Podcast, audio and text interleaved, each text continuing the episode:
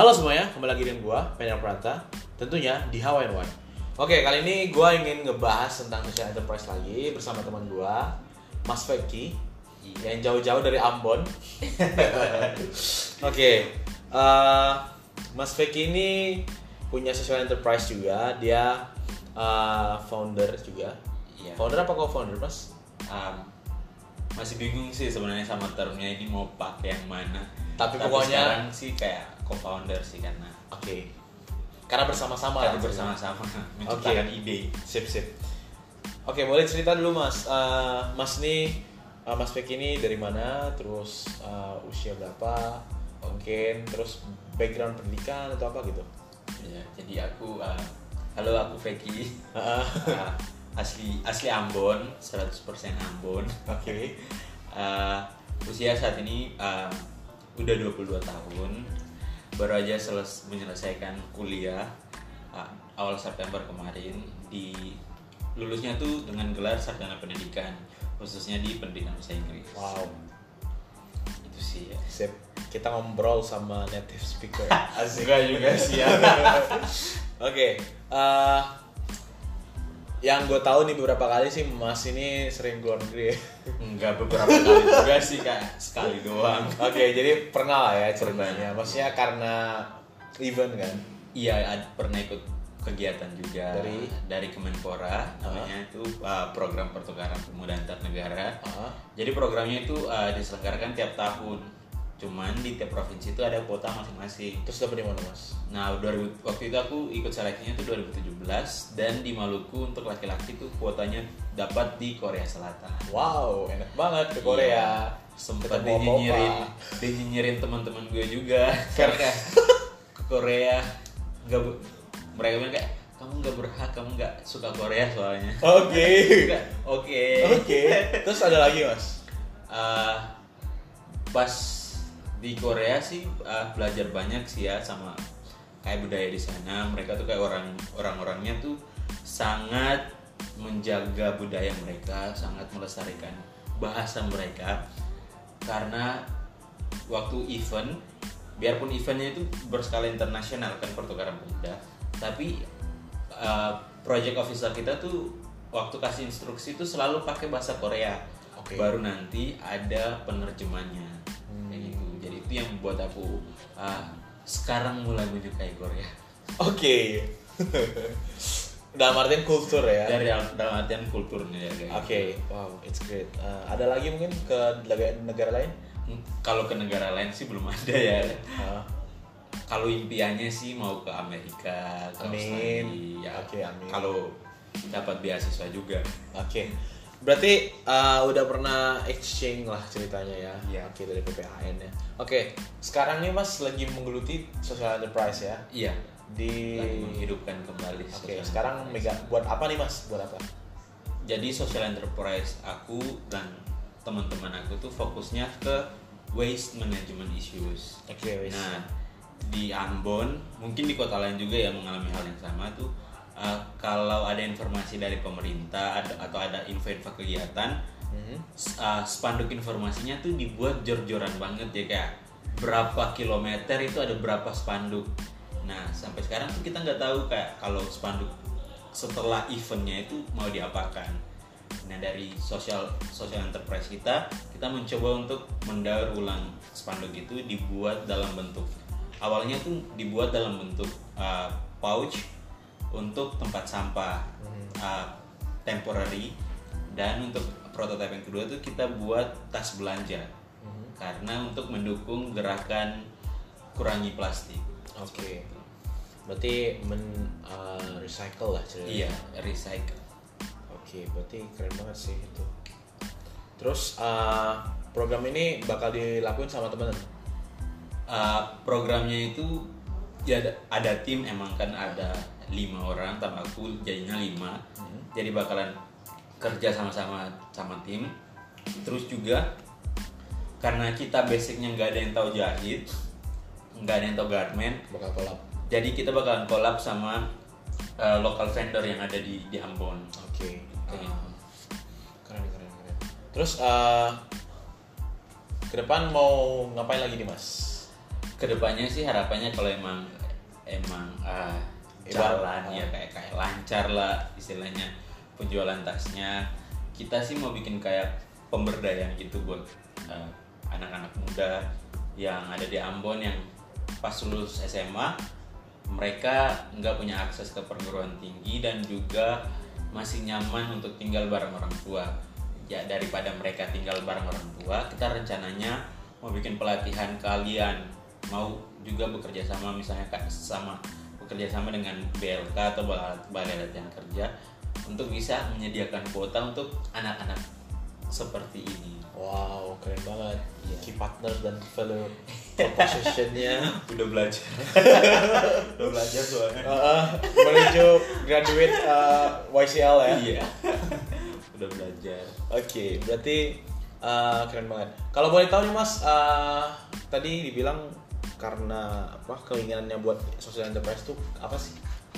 kalau keinginan buat social enterprise tuh uh, pertamanya sih itu berawal dari satu hal yang buat kita satu tim itu uh, marah gitu. Yaitu kebiasaan. Uh, sebenarnya tiap tiap produk tuh punya punya alasannya masing-masing. Nah untuk produk yang pertama tuh yang kita bilang pouch untuk tempat sampah sementara itu berawal dari apa kemarahan kita tentang kebiasaan membuang sampah sembarangan. Ya seperti kita di, di Ambon kan lumayan ada daerah pesisir ada daerah gunung juga kan. Oke. nah untuk daerah pesisirnya itu banyak sekali sampahnya. Dan sampahnya itu kan bukan bukan uh, bukan sampah hasil dari masyarakat Ambon saja itu juga sampah kiriman. Sampah kirimannya udah sebanyak itu. Nah kalau masyarakatnya dengan kebiasaan yang membenarkan membuang sampah sembarangan dan selalu bilang kalau udah deh ada bakalan ada yang bersihin. Nah itu jadi masalah yang serius banget karena di Ambon sendiri untuk total sampah yang masuk ke TPA, TPA itu ada sekitar 80.000 ton perharinya. Itu yang dikumpulin. Belum yang Belum yang yang dikumpulin. dikumpulin. belum yang jatuh jatuh ke laut belum yang diselopkan kayak gitu. Nah untuk yang produk kedua yang buat tas belanja ini itu karena uh, berawal dari kebiasaan kita uh, para co-founder. Karena kalau pas belanja itu sukanya tuh nggak pakai plastik nggak pakai kantong plastik nggak pakai kresekan gitu. Tapi selalu ditawarin sama kayak uh, kasirnya mau pakai plastik enggak terus kalau dibilang nggak pakai plastik kayak di melototin gitu nih orang aneh banget sih belanjanya kok nggak pakai kresekan nah dari situ kita mau bikin tas belanja supaya meningkatkan um, kesadaran masyarakat bahwa udah plastik udah terlalu banyak nih digunain gimana kalau kita pakai produk yang bisa dipakai lebih dari satu kali Oke. Keren keren. Oke, berarti udah kebayang lah ya mau dibawa ke mana di Ambon ya. iya udah udah kebayang mau digilir ke mana wes. Oh gitu, sip sip sip. Berarti eh, banyak banget nih yang mau di stra- mau di breakthrough ya sama Iya. teman-teman. Karena kan fokusnya lebih ke mengubah kebiasaannya dan kebiasaan tuh kalau diubah kan butuh waktu yang sangat lama Benar-benar. butuh penyesuaian juga dan banyak orang-orang tuh yang acu tahu itu Kayak Terus strategi apa nih Mas yang mau Mas lakukan? strateginya sih kita mau uh, mau kayak strateginya tuh kayak mau bilang kalau untuk setiap pembelinya tuh kayak kitanya mau bilang kalau dengan anda membeli produk kami anda sudah membantu membantu pemerintah dunia pemer- pemerintah Indonesia pemerintah Ambon untuk menjaga lingkungan atau anda sudah membantu membantu anak cucu anda untuk menikmati keindahan Ambon Ya, gue setuju sih kalau perspektif Mas gitu. Soalnya ibaratnya sampai kapan sih sampah itu bisa ditampung gitu lah. Iya. Bilang. Apalagi notabene Ambon yang kota kecil juga Iya. dan lahannya juga terbatas. iya lainnya terbatas Bang. Ya. Oke. Uh, pernah satu kali itu ada ada kebetulan kan uh, freelance juga tour guiding kan ya. Heeh. terus ada satu tamu dari Polandia. Nah dia tuh tertarik banget dengan Ambon. Katanya tuh Ambon itu sangat berwarna. Gedungnya berwarna uh, kendaraannya berwarna orang-orangnya berwarna sampai sampahnya juga berwarna. Itu kayak pukulan telak banget gitu kan kayak karena kan diajak ke pantai gitu kan dilewatin lah uh, perumahan warga. Wow. nah udah dijual nih hak tinggi kayak tuh kayak gini.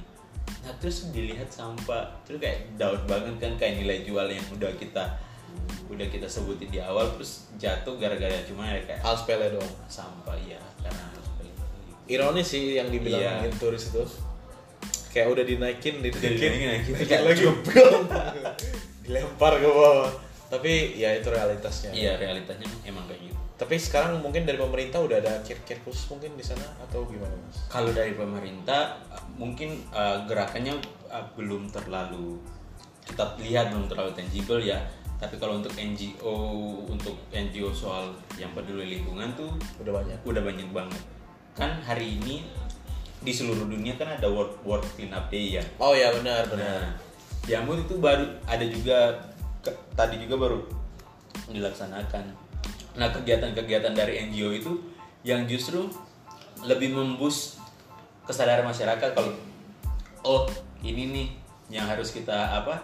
Yang harus kita lakuin nggak boleh buang sampah sembarangan. Emang biarpun sampahnya udah ter- terlanjur dibuang sembarangan, kita harus membersihin juga karena nggak ada yang salahnya dari take action to clean your environment Asik. karena ya yang bagusnya kan kita yang nikmatin kan ya. Kalau iya. kotor juga kan jadi sumber penyakit.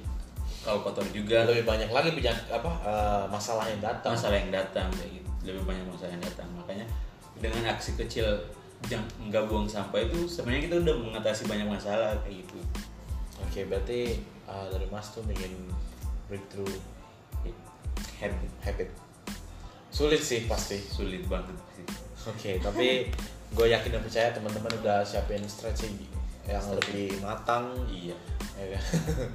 Oke, berarti uh, untuk menutup nih mas, uh, quotes atau mungkin uh, moto yang bakal mas bawa untuk ini uh, apa tadi namanya mas? Eh, kalau nama produknya tuh spanduk.co Oh ya, namanya spanduk.co ya. Iya. Terus uh, gimana? Quotes yang bakal kalian bawa atau tagline mungkin belum ada atau gimana mas? Um, kalau quotes pribadi mungkin ada ya. Oke, ya. Kalau aku quotes pribadi itu kayak uh, even it- if it's slow, it's still a process kayak gitu. Oke. Karena kan banyak orang yang lebih ke kayak uh, produk oriented gitu ya, kayak mau cepet-cepet dapat hasilnya. Oke, Tapi mungkin fokus on quantity ya. ya fokus on prosesnya karena mungkin untuk mengubah habit itu kan nggak gampang ya Bener. dan untuk along the way-nya tuh kalau kita udah kayak nge-touch satu orang pasti tuh orang lain tuh bakalan juga juga. ke-touch kayak gitu jadi proses sih yang penting untuk kayak bukan untuk SE aku do- doang sih menurutku kayak untuk semua social enterprise uh, kuncinya tuh selalu ada di proses karena kalau untuk social enterprise kita uh, ngandalin produknya atau untuk lebih fokus ke hasil pasti udah kayak bubar pasti Oke, keren keren. keren. Oke, uh, ada lagi mungkin mas quotes ataupun moto hidup? uh, sampai 22 tahun sih baru itu aja sih Oke, yang penting Belum ada kita update. tetap fokus pada Tetap proses. fokus sama proses Oke. emang produk harus di set juga kan tapi kita bertemu tuh lewat proses Ya, sip. Oke, thank you banget buat seluruh pendengar. Semoga uh, kisah dari social enterprise spanduk.co iya ini bisa membawa teman-teman untuk mau terjun juga mungkin dalam dunia NGO maupun social enterprise juga. mungkin juga mau membeli Oke. Oke, kalau mau beli hubungi Mas dari mana di mana di, Uh, Instagram mungkin? di Instagram aja sih Apa Instagram Mas? Instagram aku @vekipesonai Oke. Kita rencana soft launching uh, bulan depan Oke, amin. Ki- Mudah-mudahan uh, lancar sampai soft launchnya Amin. Uh, dan gue yakin dan percaya ini pasti bagus sih. Thank you banget buat sharing sessionnya ini hari. Semoga berguna bagi teman-teman pendengar dan juga berguna bagi kita semua. Thank you banget uh, yang udah dengar. Uh, see you and goodbye.